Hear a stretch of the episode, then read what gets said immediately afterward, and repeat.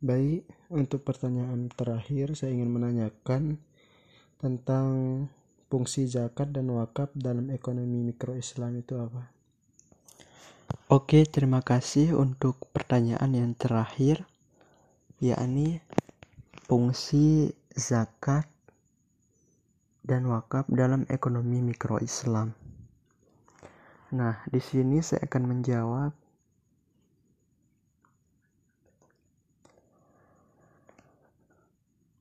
Jadi, mungkin kita sudah mengetahui bahwa kita sudah mengetahui bersama zakat itu merupakan rukun Islam yang wajib kita keluarkan.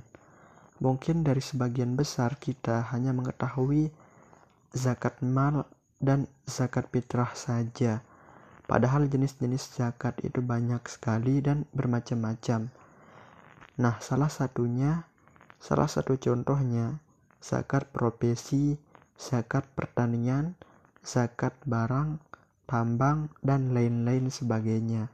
Semua macam-macam zakat tersebut itu mempunyai syarat-syarat dan ketentuan masing-masing. Dan mungkin sebagian besar kita hanya tahu cara membayar zakat saja, tapi tidak tahu proses setelahnya itu bagaimana. Oleh karena itu, di sini kita akan mencoba menjelaskan bagaimana zakat ini bisa bermanfaat besar sekali bagi perekonomian jika bisa mengelolanya dengan efektif dan efisien. Nah, kita akan menjelaskan bagaimana zakat ini bisa bermanfaat sebesar-besarnya terutama bagi perekonomian jika bisa mengelolanya dengan efektif dan efisien. Nah, zakat merupakan harta yang wajib dikeluarkan oleh orang-orang yang beragama Islam dan diberikan kepada golongan yang berhak menerimanya. Kita harus menanamkan dalam diri kita bahwa setiap harta yang kita dapat ada sebagian harta kita untuk orang yang membutuhkan. Dengan begitu kita sudah belajar betapa pentingnya zakat di Indonesia masih terdapat kesengajaan sosial antara golongan mampu dan tidak mampu. Bagaimana dengan zakat ini bisa bermanfaat bagi perekonomian? Caranya dengan memasukkan instrumen zakat itu ke dalam perekonomian itu sendiri. Dan zakat merupakan modal yang selalu tersedia dalam membangun perekonomian fakir miskin. Dana zakat saat ini dikembangkan bukan hanya untuk miskin, tetapi lebih mengarah kepada pemberdayaan masyarakat muslim yang kurang mampu agar mereka kelak lebih mandiri dalam memenuhi kebutuhan ekonominya. Dengan manfaatkan dana zakat ini, orang yang mampu dapat membantu perekonomian orang yang kurang mampu.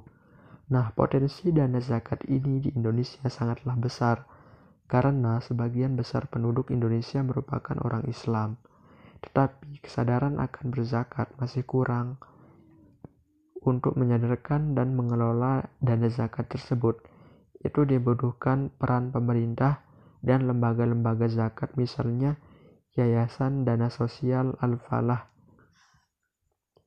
YDSF, dan lain sebagainya. Jadi, dana zakat ini besar manfaatnya bagi perekonomian.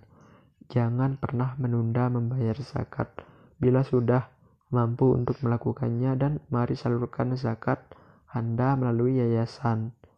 Yayasan yang ada di sekitar kita yang amanah, profesional, dan terpercaya agar makin terasa manfaatnya untuk kita kelak di dunia maupun akhirat. Nah, mungkin dari semua pertanyaan itu sekiranya kurang lebih dari saya Semoga kita semua mendapatkan ibroh manfaat dari apa yang telah kita diskusikan tadi. Sekian dari saya. Wassalamualaikum warahmatullahi wabarakatuh.